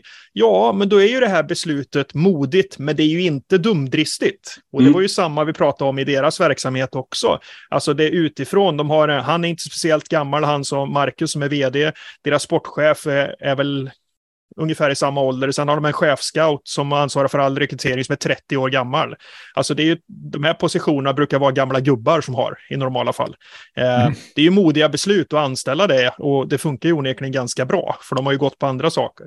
Så att just, men, men de tycker ju inte att det är ett modigt beslut, eller ett, för att de har ju för, Ja, du är med på vad jag menar. Så det mm. hänger mm. ihop. Det är jätteroligt att höra. Du drar ju liknelsen här med en sån här resa och det pratar de om i en affärsverksamhet. Alltså att våga och och att det hänger ihop med mod. Och mod behöver inte vara att man är dumdristig. Ja, mycket intressant. Fasen var kul! Och kul att få, få ha dig med här i podden här nu. Så att, eh, ja. vi ser ju fram emot att du fortsätter att skicka in. Eh, nu har vi ju ett mm. helt annat segment också som heter Alpov och Lopez fråga, eller svarar rättare sagt, där man får skicka in frågor. Så att eh, ser ju fram emot att det kommer, kommer nya frågor ifrån det där. Ja. Så att det är bra. Grymt! Har vi något annat Oliver som vi vill passa på att fråga Tobias innan vi släpper den? Nej, det här med arbete, distansarbete och så här, det finns ju företag som, och jag förstår ju också, du var inne på det själv där, att vissa, ibland kan det ju ändå vara ett syfte och en mening med att vara på kontoret fysiskt och sådär, men mm. de här företagen som går 100% all in på att ah, nu ska alla tillbaka till kontoret, heltid 100%. De kanske ska lyssna lite på det här inslaget och, eh, och inse någonstans att nej, men vi är ett stort företag, så hos oss kan man inte det. Eller, eller så kan man det. Mm. Det gäller bara, och sen älskar jag den här frågan också. Och det gäller ju allting i livet. Så här, om jag ska lyckas med det här, hur skulle vägen dit se ut?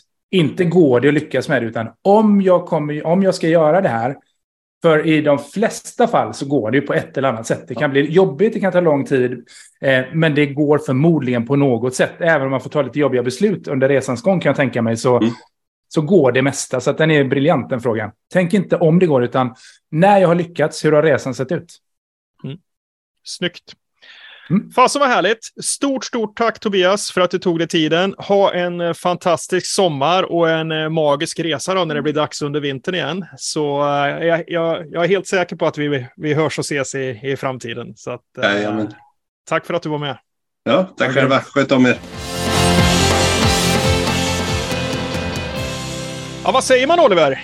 Blir man sugen på att och ta en tur eller? Inte med husvagn kanske, inte min grej riktigt, men eh, ta en tur. Ja, nej, alltså inte, jag vet inte. Jag har aldrig testat husvagn och husbil. har poppat upp några gånger, fast på en vanlig semester. Det är ju lite coolt att åka hela hus, familjen. Och bara, husbil, husbil är skillnad, ja. Ja, jag håller ja, med. Jag håller med. Det är för att inte jag kan köra med husvagn. Det är ju enda anledningen. Eller hur? så kan det vara i och för sig. Säg, säg inte det högt bara. Men det är ju enda anledningen exakt. såklart. Ja, men exakt. exakt. Nej, men, eh, Nej men, eh, nej, men eh, det är klart att man blir... Eh, och det, det bästa tycker jag är det här att det, allting går ju faktiskt att göra. Och eh, det är bara fråga om hur, om man verkligen vill det. Så att, eh, det gillar jag, den inställningen var ju det jag tog med mig. Ja, och eh, inställningen och sen också det här med, med att det faktiskt man kommer till ibland insikter. Vad är viktigt på riktigt liksom? Eh, de säljer sin gård Exakt. där, de gör något annat, de tar nästa steg i livet för att kunna vara mer flexibla. Alltså man låser ju, vi är ju bra på det där alla vi människor, att låsa fast oss i olika strukturer och mönster. Liksom. Så det, det är befriande att höra någon sån som Tobias som, som förmodligen har suttit i exakt samma strukturer och mönster med sin familj. Um, stor hästgård och massa mark och sånt där. Och nu väljer du att göra något helt annat. Jag säger inte att alla måste göra det, men det är intressant att höra. Ja. Jätteintressant. Nej, bra lärdomar. Kul, och, kul att få prata lite med Tobias också. Han har ju hängt med i den här podden ja. i många, många år. Så att, eh, fram och tillbaka, så jättekul. Du, jag har ju några fler tips som jag tänkte på den här 10-listan. Men jag tänkte att mm. innan vi tar det, så vad fasen, vi är ju på hugget här nu. Vi tar in, vi tar in eh, tredje och sista gästen för, för avsnittet istället. Så, så summerar vi upp med de här sista tipsen, för jag tror att det kommer mm. att gå hand i hand väldigt bra med det Mattias har sagt Tobias också för den delen.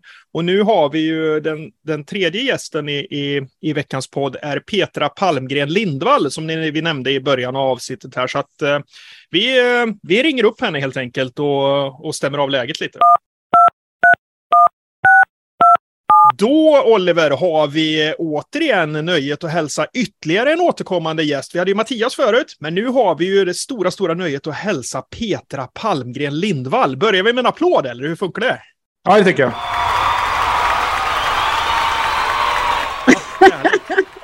du, Petra, eh, vi har ju fångat dig mitt i en styrelseutbildning, om vi har förstått det rätt. Yes, det stämmer. Mm. Vad är det mm. på agendan idag? Idag på agendan så är det eh, styrelsens ansvar och sen eh, liksom hur vi praktiskt ska omsätta vårt eh, ansvar som styrelse till eh, praktiskt arbete, alltså strategiarbete, eh, kontroll av ekonomi och lite sådana saker. Så att eh, vi stänger säcken på en tvådagarsutbildning idag här. Eh, så att eh, det är mycket information eh, och eh, intressanta saker att diskutera med en, en stor, nyfiken, eh, intresserad grupp här. Mm. Mm. Inte lika bra som den gruppen jag var med i antar jag. Men... Nej, nej, såklart inte. Nej. Såklart inte. tänkte väl, tänkte väl. Dessutom är jag i Stockholm nu också, Mikael. ja, de behöver all hjälp de kan få där uppe. så att det är bra. Nej, för er som inte vet vem Petra är så är ju du, du jobbar ju med utbildningar för Styrelseakademin. Du driver ja. ett eget företag. Eh, du jobbar som professionell styrelsearbetare, vet jag att du vill kalla det. Eh, sitter som ordförande i flera bolag eh, och du driver också en, en väldigt, väldigt bra podd inom det här som heter Styrelse, Styrelsesnack med Malin och Petra. Stämmer. Mm. Och så har vi haft förmånen att ha dig som gäst eh, i den här podden också och pratat utifrån eh, ett styrelseperspektiv med, med strategier, hur man ska tänka, hur man får ihop det med ledningsgruppen, chefer och allt det här. Och då tänkte vi, eh, baserat på temat som är med den här podden, det här avsnittet nu sista innan sommaren och så, där vi då försöker att dela med oss om lite smarta tips och tricks om hur man ska göra ett bra avslut och hur man ska göra en bra uppstart. Och då har ju du och jag, Oliver, delat med om våra saker och så har vi haft uh, Mattias Eibe som har pratat om utifrån ett projektlederi. Men då tänker vi Styrelsen, mm. hela grejen, strategier. Kan, kan man överhuvudtaget ta någon form av ledighet när man sitter i en styrelse? Om vi nu börjar där. Vad, mm. vad, vad, Ja, nej men eh, nej, alltså man kan, det är två delar av det hela. Mm. Eh, när man är invald i en styrelse, likt en vd skulle jag vilja säga, eller alla som är, är kopplade till bolaget, så är det ju, vi har ju ansvar i styrelsen och för bolaget 24 eh, timmar om dygnet, sju dagar i veckan, alla dagar i, i liksom under året. Så att även om eh, många tar semester så ansvarsmässigt så tar man ju inte semester. Däremot så med god planering, för det är ju det du lite grann är inne på här då. De allra flesta styrelser eh, kanske har haft sin års, alltså ägarna haft sin årsstämma här under våren och eh, kanske precis här nu i april, maj och kanske till och med juni. Eh, då har ju eh, efter stämman så har ju styrelsen då samlat sig förhoppningsvis och eh, diskuterat hur man då ska planera året som kommer fram till nästa vår och stämma. Eh, och eh, då tänker jag att dels har man kanske eh, fyllt kalendern då med de möten som man behöver ha. Och sedan att man faktiskt också till och med har diskuterat att ja, när vi ses nästa gång, vilket förmodligen är då i augusti när, efter semestrarna och, och så här. Eh, vad är det vi ska göra då och eh, kanske kommit fram till att vi fördelar lite arbetsuppgifter så att det inte blir liksom någon eh, tids, eh, alltså att det är liksom tids, kort, kort om tid då när vi kommer tillbaka från semestern utan att alla tar ansvar för de uppgifter man har. Eh, så jag tänker då att vi har en god planering. De allra flesta styrelser, eller det ser vi ju gärna, det är ju gott styrelsearbete, det är ju faktiskt att lägga en plan även om vi kan ändra i den. Så att eh, vi har uppplanerat och, och förberett oss i alla fall för det som kommer precis efter sommaren, tänker jag. Däremot så är det väl väldigt få styrelser som lägger in styrelsearbete eller något annat arbete under sommaren såvida man faktiskt inte är inne i en ganska intensiv fas med någonting. Eh, det kan ju vara att man förvärvar bolag, det kan vara att man kanske ska eh, avyttra eh, viss del av sin verksamhet till, till någon annan ägare. Eh, det kan vara att man är inne i någon form av eh, fas där man tar in nya ägare. Så det är klart att det kan ju finnas de bolagen som un, även under sommaren då har en ganska intensiv period. Så att det är inte bara för alla att lägga sig i, i eh, på, på sofflocket tänkte jag säga, eller solstolen. Eh, det, så det kan se lite olika ut. Men jag tror inte eh, att det är någon som har, eh, liksom, kommer att se några överraskningar utan att man ganska väl känner till vad det är man ska pyssla med här de närmsta månaderna. Men det, där, det här är ju, det är ju väldigt intressant. Eh, mm. Och det är ju, man kan ju säga att allting är rimligt och logiskt och sådär. Men det, det, betyder ju inte att man gör det lika förbaskat. Eh, det är ju därför vi behöver påminna om det här år efter år i den här podden bland annat. Mm. Eh, men det du säger är ju väldigt, väldigt intressant tycker jag. För att du, du är ju, det är ju proaktivitet även. Det har vi hört tidigare med, med, med Mattias som inte du har lyssnat på nu. Men, men när vi pratar med han, han pratar ju också proaktiviteten. Du pratar om exakt samma. Du pratar om att man ska redan nu delegera ut uppgifterna så att man har olika ansvar så att man inte förlorar tid i augusti, september. Mötena finns där redan, för annars ska man försöka klämma in dem när alla andra klämmer in sina saker efter sommaren. Så mm. det är ju proaktiviteten. Och var, vad ska du säga, varför är det så viktigt att vara proaktiv? Vad, vad, vad trycker Men, du på som ordförande? Ja, nej, men det handlar ju om att vara effektiv. För liksom när folk vet vad de ska göra, vi har kommit överens om vad som ska göras, då, liksom, då, då kan vi släppa vissa saker för att vi går omkring och kanske funderar på. Men en vd kanske går omkring och funderar på vad, vad vill en styrelse att jag kanske gör under den här perioden? Eller en ledamot som går omkring och funderar över, skulle jag göra någonting? Förväntas jag göra någonting? Eller, eh, och sen så blir det ju också eh, kanske en, en liksom lite mer ineffektiv uppstart då efter sommaren då när man kanske ska sätta sig ner och, och, och reflektera över det då. Och då är man ju nästan, då ska man ju vara up and running på något sätt liksom. Så, att, eh, så därav att man ska liksom göra rätt saker och kanske inte spilla massa tid och funderingar på, på andra saker utan mer effektivitet så kan man väl säga. Sen så tänker jag en annan sak som, som eh, man kanske då som styrelse gärna vill eh, ha lite koll på under sommaren då när väldigt många rör på sig. Det är ju faktiskt att eh, samla in lite grann om vi skulle behöva få tag på någon under sommaren. Vad, alltså vem är det man, när, när är folk faktiskt på semester och borta? Och, och det kan ju gälla både ägare till exempel och mina styrelsekollegor och naturligtvis vd och kanske till och med ledningsgruppen så att man, man vet liksom eh, om det skulle vara någonting att man kan nå någon och kanske har man då sagt att ja, men, vi har en vd och så har vi en vice vd. De kanske går om lott då på, eh, på liksom semestrarna. Så att, eh, lite grann bara förstå liksom, vilka är det som kommer jobba och när och vilka kommer vara lediga och när. Så att man alltid har eh, de man behöver att tillgå. Mm. Snyggt. Är det vanligt att man, att man en, gör, eh, tänker jag, att som, som, som styrelse, är det vanligt att man man har några grejer eh, som man klurar på under sommaren. Alltså, men det här borde vi fundera på, det här borde folk läsa in sig på, eller tänk om vi kunde lite mer om det här. Är du med på vad jag menar? Liksom? Alltså, ja. har, eller låter man folk vara liksom under sommaren för att de behöver vara lediga också? Eller hur, jag hur tänker man? Ja, jag tänker mig. Jag tycker återhämtning är viktigt, att man liksom mm. måste kunna få återhämta sig och att man inte ligger på som en blodigel på alla liksom hela tiden. Utan eh, sen så kan det ju vara så här att man, jag tänker att eh, när man återhämtar sig, vi är ju lite olika där. En del njuter ju av att läsa böcker och lyssna på poddar. Eh, en andra liksom känner att nej, jag håller på hela tiden på, på våren och hösten med de här sakerna så nu måste jag vila hjärnan, öronen och allt annat. Eh, men annars är ju det faktiskt en tid där vi kanske kan eh, ha lite mer utrymme för att läsa den där boken som jag faktiskt behöver för mitt, för mitt jobb. Eh, lyssna på den där eh, bo, eh, podden som, eh, som jag gärna vill lyssna på men som inte har hunnit. Och bara för att hela tiden bygga på eh, och kanske göra det lite mer avslappnat tillstånd tänkte jag säga. Men att mm, inte mm. sån inte så tävla med så mycket annat då.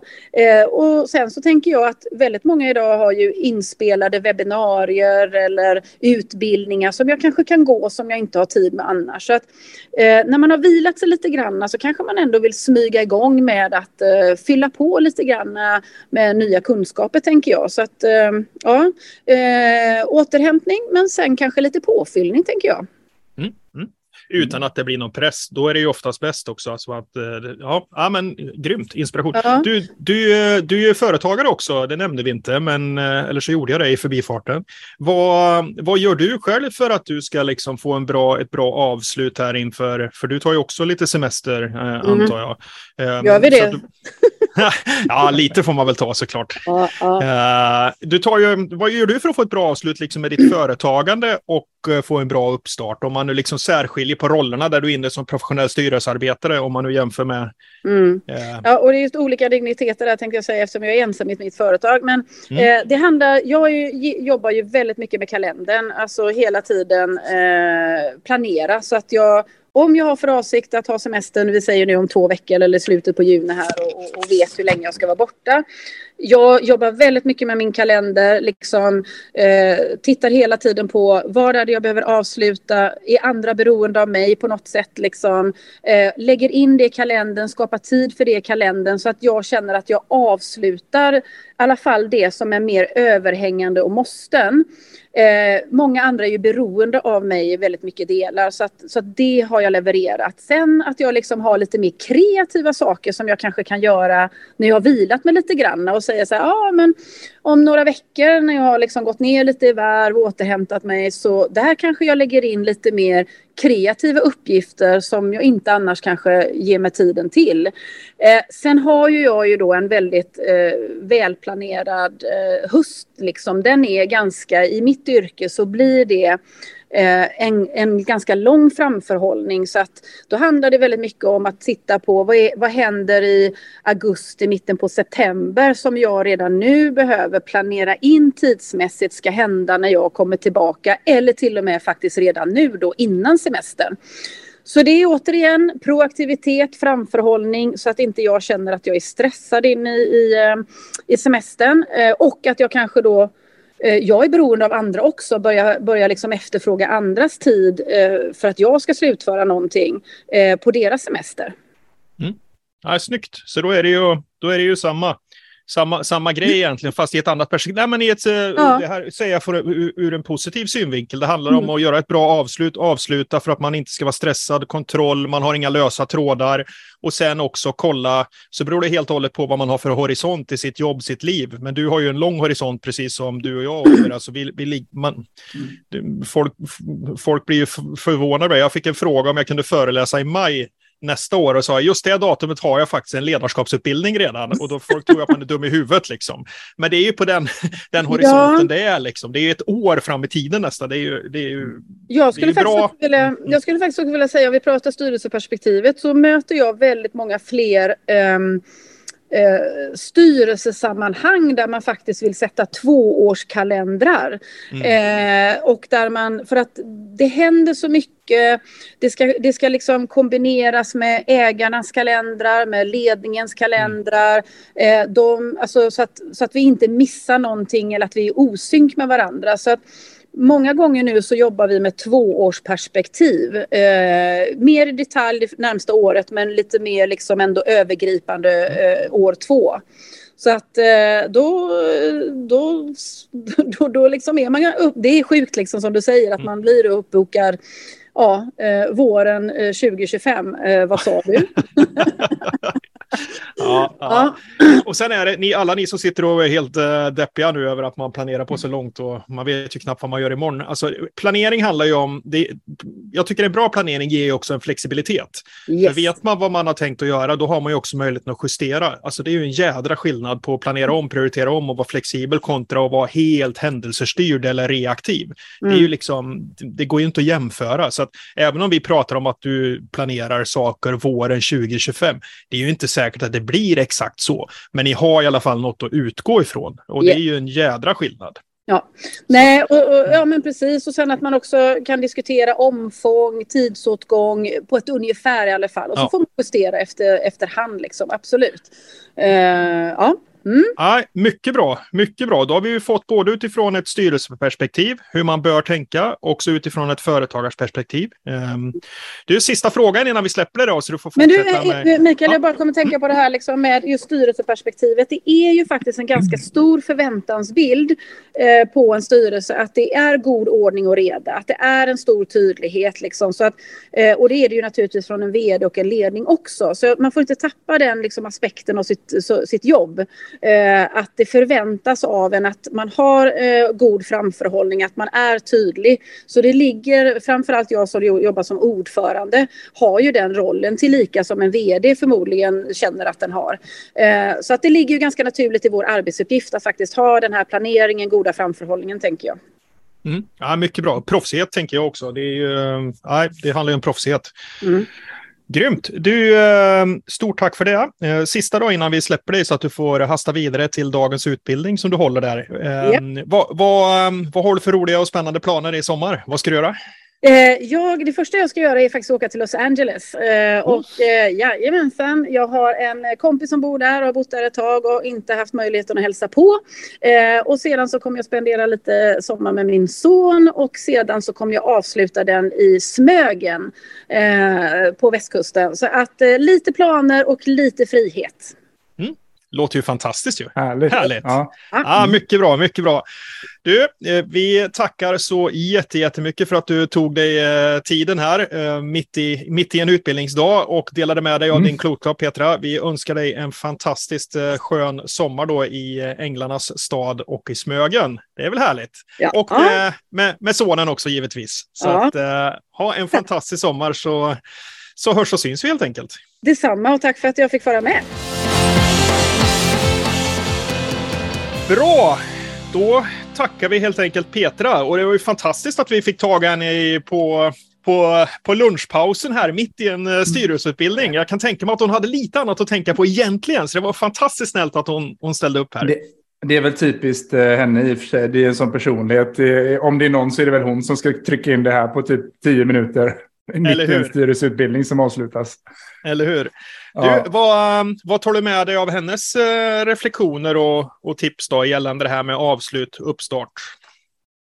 Nej men, nej men det, det går ju lite så in i mycket vad andra, inklusive du och jag och andra, tänker det här med att liksom förbereda inför hösten och, och, med det, och planera inför sommaren och så här. Men jag tänkte ta med mig långsiktigheten i att ett styrelsearbete är oftast betyder, kanske mer strategiskt, det är fler personer på en, en beslutande nivå som är involverade. Jag tänker så här, om, vad händer om det är mitt i juli eh, händer något eh, akut och du måste ta till ett eh, samla styrelsen. Liksom. Vem ska du ringa? Vem är ledig? Vem är inte ledig? Hur ser schemana ut och hur ser eh, strukturen för det ut? Och sen eh, eh, och sen också det här att styrelsen faktiskt aldrig är fri från ansvar ens under semestern. Det betyder inte att man sitter och jobbar, men man, är, man måste ändå finnas tillgänglig. Någon måste finnas till. Så ansvarsfördelning, tydliga roller om någonting skulle hända under semesterperioden. Och att man ska vara mer långsiktig än man tror kanske. Eh, ja, exakt. Jag tror det också gäller, gäller inte bara styrelser, det gäller de flesta verksamheter. Och sen, sen så kommer det ju alltid så här, det går ju så här, pendeln svänger ju. Ibland ska man jobba mm. i tolvveckorsplaner, ibland ska man mm. jobba långsiktigt och ibland ska man jobba, mm. när vi träffade BK Häcken, de hade treårsstrategiplaner etc. Så att jag tror man ska hitta sitt, men det här med att vara mer långsiktig och även om man jobbar på, på lång sikt på både två, tre, och fyra och fem år så betyder det inte att man inte kan ändra och justera efter vägen. För det enda vi vet är att vi kommer ju behöva justera, åka på den vägen ibland och den vägen ibland, men, men det mm. långsiktiga måste ju ändå finnas där, för annars är man ju tillbaka i det här med veligheten igen och, och det är ju faktiskt så mm. att många verksamheter som är framgångsrika över tid, de har ju en extremt stor kontinuitet, tydlig väg, de håller sig till sakerna, de fattar sina beslut baserat på vad de har bestämt. Alltså det, det är inte så mycket velande om vi ska vara, men sen är de inte heller statiska och trögtänkta, utan de, de är ju med om det händer något. Men, men just det här med att ändå tro på det man håller på med, långsiktigheten, ja, det blir ju proffsighet. Snyggt! Uh, väldigt intressant och det mm. flyter ju som sagt var ihop oavsett om det är ett styrelseperspektiv eller ett projektledarperspektiv eller om vi pratar i ett allmänt perspektiv som du och jag gör. Så det blir ju väldigt mycket samma saker som behöver att göras för att man ska få ett bra avslut och en bra, och en bra uppstart egentligen. Du, innan vi eh, säger tack och hej för idag så tänkte jag vi skulle ta de fyra sista punkterna som jag hade på min eh, tio-lista där som jag har eh, återanvänt sedan 2017. Så att eh, vi kör dem, ja. va? Mm, tycker jag. Gött. Punkt nummer sju har jag döpt till Se över dina mål för andra halvåret. Och den flyter ihop med punkt nummer tre, brukar jag säga. Och det är ju det här reflektera över vad du kan göra bättre för att utvecklas egentligen. Mål och utveckling hänger väldigt mycket ihop, tycker jag. Alltså det är ju mm. samma det här. Alla våra gäster har varit in på det här att göra en strukturerad plan för möten. Vad behöver man göra? Vad ska man ha i sin lista redan inför hösten? Och det är exakt samma sak här. Bestäm vad som ska göras, planera vad som ska göras och sen så gäller det att se till att göra det som ska göras. Och det kommer att vara mycket, mycket, mycket större sannolikhet att du faktiskt når de här målen. Låt mig det bara hända, man bara släpper på, man går in med världens största ambition utan liksom struktur och plan efter sommaren. Mm, kanske blir bra, kanske inte blir bra. En fråga. Mm? Eh, under sommaren händer det oftast, eh, det är då det händer. Eh, plötsligt mm. händer det. Vad tänker du? Vad tänker du jag tänker yrkesmässigt, eh, familjemässigt. Eh, det, liksom, det händer saker, man reflekterar man landar, man funderar och så byter man mm. jobb när man kommer tillbaka i augusti-september. Mm. Hur, hur mycket ska man planera att hösten kommer bli exakt så som man tänker att den ska bli? Ska man lämna lite luft för att men nu kommer jag verkligen fundera? Det kanske beror lite på hur man går in i sommaren också. Är man supernöjd med jobbet och älskar det man gör eller har man börjat få lite funderingar under våren? Då kanske det ska vara en del av planeringen. Vill jag jobba kvar här vid årsskiftet eller vill jag göra någonting annat och i sådana fall lägga in det som en del. Så att se över dina mål för andra halvåret hur, eh, hur, hur liksom, ska man vara öppen för att det händer grejer under sommaren? För det gör det ju för många. Nej, men jag tror att du har svarat på din egen fråga där. Det beror ja, på det lite grann. Nej, nej, men det beror ju på lite grann hur ja, att du svarar på din egen fråga. Ja. ja, Exakt. ja. Nej, men det beror ju på vad man går in i för läge och för situation och känsla och mindset när man går på, på ledigheten. Tänker jag. Vet man att ah, fan, det här håller inte riktigt, ja, men då ska man ju ha en bra plan för det såklart, tänker jag. Eh, varför, jag, varför, jag, varför, jag, varför jag frågar det är ju för att eh, för, eh, här, den här podden är ju fantastisk för att man kan ju ventilera sina egna funderingar och tankar. Och ah. För mig vet ju du, vi har ju snackat, det har ju hänt lite saker fram och tillbaka här på bara någon månad eller två. Så för mig är det lite att jag sitter i just den sitsen och, och ska jag lägga min plan för andra halvåret så blir inte den som den skulle vara för två månader sedan och inte heller för tre veckor sedan. Så att den har hoppat fram och tillbaka. Så därav men... frågan. Det är stort, en ren ego-grej mm. mm. att kunna bolla det. Nej, men det, det, är ju därför som det är viktigt att göra. Alltså det här ska man ju göra. På veckoavstämningen ligger det här med mål, mm. måltänket mm. med också. Men här har man ju verkligen chansen att, att sitta ner och ta ta ett liksom lite större tag på, för det händer ju saker som du säger. Um, ja. Så att, vad har jag för mål i andra halvan? Det kanske är att allting måste justeras. Det vet man ju inte. Det har jag inte pratat något om. Måste man hålla sig Nej. till de målen man satte? Nej, det är inte Exakt. säkert. Tänk om, tänk om allt har ändrats då? Men mm, man måste ju se över vad man har för mål för andra halvåret. Mm. Med stor mm. sannolikhet så är det ju samma som när du gick in i året, ja. men, men det kan ju ja. ha ändrats. Mm. Så att eh, se över yes. dina mål, viktigt. Och beroende på vilket perspektiv du har då, så blir det olika stigar man kommer trampa på. Men se över målen såklart. Ja. Nummer åtta. Kommunicera med dina kollegor eh, och inom parentes och kunder slash leverantörer om hur just du vill ha det under semestern. Alltså, återigen, det har vi också hört från våra gäster här. Hur ska vi ha det under semestern? Kommer du svara i telefon? Kommer du läsa mejlen? Vem tar hand om grejerna? Hur gör vi med det här projektet? Trycker vi paus? Kommer det rulla på? Jobbar vi med internationella eh, medarbetare, kollegor, leverantörer så kanske de inte har semester i juli, de har semester i augusti. Ja, vad händer då? Då, då kommer de blåsa på som fasen.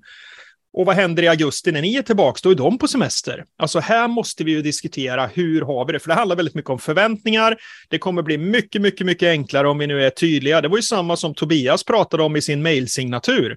Jag jobbar mm. mellan sju och fyra under ett halvår. Supertydligt. Uh, här får vi hjälpas åt för att få det på ett bra sätt. Så att kommunicera helt enkelt. Och det flyter ja. ihop med punkt nummer nio tycker jag. Vem tar hand om ditt jobb när du är ledig? Frågetecken. Gör någon det? Uh, är det någon som tar över ditt ansvarsområde? Cheferna, Petra pratade om uh, vem är tillgänglig, vice vd, vdn kanske går omlott så att man alltid har någon som är på plats. Tillgänglighet, hur ser det ut, vem ringer, vem det händer någonting? Vad gäller egentligen? Ansvar, befogenheter, överlämningar. Informera berörda parter, kunder, leverantörer. Alltså återigen, det handlar ju om förväntningar. Annars mm. kommer vi ju stå där och så kommer ni få en massa mejl när ni står på en steg och ska måla huset och så ringer det 18 kunder liksom. Jaha, hur ska de veta att ni står på en steg och målar väggen? Det vet de ju inte om inte ni har berättat att jag kommer inte ha möjlighet att svara nu. Eller du ska ringa Exakt. det här numret när jag är ledig. Så att, eh, vem tar hand om ditt jobb när du är ledig? Supertydligt. Um, och sen tionde punkten. Har inget med jobbet att göra utan det är rent privat. Det står prata igenom mål, kanske man inte behöver använda som ord, och förväntningar på semester med familjen och eller slash vännerna. Vad ska hända under semestern? Vad har vi för förväntningar på semestern? Har man en fru eller en man och så den ena har förväntningen att ja, nu ska vi ta tag i alla de här to-do-grejerna som vi har på vår mm, utvecklingslista för vårt hus och vår tomt eller vad vi nu har för någonting. Och den andra ja. tänker, åh jädra vad gött, nu ska vi fan inte göra ett skit här i fyra veckor. Den blir lite jobbig. Ja, men det, det, och det här är ju inte omöjligt att det händer, eller hur? Nej, eller någon nej. vill resa, någon vill ha grillfester varannan kväll och träffa alla vänner man inte har träffat. Och den andra tycker att, ah, men vad fan, låt mig vara. Det betyder inte ja. att man inte gillar vännerna, men man orkar Nej. inte för man är trött. Nej. Nej. Eh, det, det, här kan ju bli pannkaka så det står härliga till. Så att prata igenom, behöver man liksom återhämtning, läsa böcker, alltså vad ska ni göra egentligen? Eh, men det är väl också, nej men det är väl också det jag sa där med att det kanske händer saker under sommaren, både positivt och negativt. För det är ju inte under, stick under stolen att det är ju många som landar i att men den här eh, konstellationen i familjen och den här frun eller mannen vill inte leva resten av livet med. Det där är ju allmänt känt att Skilsmässopodden blir det här. Skilsmässor under sommaren när man får landa och fundera på vem den där dåren som går bredvid mig och gjort i 20 år är liksom. Det där pallar jag inte längre. Och, och, och, det är så här, och för att undvika det så gör man naturligtvis, som du alltid pratar om, att man, man gör inte bara detta precis innan sommaren, utan man har ett helt år varje vecka när man planerar saker tillsammans och känner på varandra och landar i att men det här vill du, det här vill jag. Mm. Och då blir det ju mycket skönare att gå in i sommaren på rätt sätt, istället för att Amen. Att det kan bli som för väldigt många, eh, att det blir en superstress att vi ska ha världens bästa sommar tillsammans för att vi har jobbat ja, så mycket ja, under året. Och så går man bara på varandra på nerverna. Så att, eh, nu är vi där vi är, men, men, men, till nästa sommar, som vi alltid säger, planera under hela året istället så att vi slipper ta allting i juni. Liksom. Jag tror man har chans att göra det här sommaren också. Det är bara att sätta ner och prata. Vad har vi för förväntningar? Eh, vi säger som Tobias. Om, mm. eh, om det här skulle hända och vi står där i augusti och haft en fantastisk magisk semester, vad ska ha hänt då? Exakt. Världens bästa Precis. kontrollfråga. Ja, grym. Han blev äktenskapsrådgivare också, Tobias, i, i här nu. Så det är perfekt. Första och ah, lysande. Det är en ja. fantastisk fråga som han sa där. Alltså om det ja. nu hade funkat, hur ja. hade vi gjort för att det ska funka? Ah, den är, det, är fan, det är behållningen av, av veckans podd, skulle jag säga. Den frågan. Yep. Yep. Så att eh, där hade vi mina tio tips eh, som vi faktiskt har hört väldigt mycket av, tycker jag, från våra gäster också. Um, mm jag lägger upp de här tio tipsen också, länkar till det här på våran, eh, våra sociala medier. För som ni har listat ut här nu så kommer det här blogginlägget igen här och läggas upp. Så att eh, kolla, in, kolla in det, läs igenom, ta de punkterna som ni anser ni har nytta av. Um, mm. Och så, ja, vad gör vi till sist? Önskar en fantastiskt härlig semester. Verkligen. Och vi kommer också att ta ledigt nu och den här podden återkommer i augusti. Och nu ska jag se så att inte jag luras eh, och säga fel datum. Det kommer att komma den 24 augusti, första avsnittet. 24 augusti. Ja. Och då är det ett vanligt avsnitt och sen så rullar det på med veckan efter med ett Alpov och Lopez frå äh, frågar, säger jag hela tiden, svarar. Svarar. Så Mm. att eh, precis, vi har massa frågor också, men vi försöker hitta på något svar emellan också. Gott! Fasen vad härligt! Vilken, eh, vilken rolig podd det här var med gäster Ja. högt och lågt och fram och Eh. tillbaka. Det här blir eh, ja, superroligt tycker jag. Mycket smarta människor vi har runt oss här som kan dela med sig av grejer. Hur bra som helst. Det kanske skulle kunna bli ett återkommande tema här, det vet man aldrig. Precis. Vi har snart jobbat bort oss själva ur podden. Det är perfekt. Automatisering. Eller hur? Ha nu en fantastiskt skön sommar så hörs och ses vi då i augusti helt enkelt. Ta hand om er.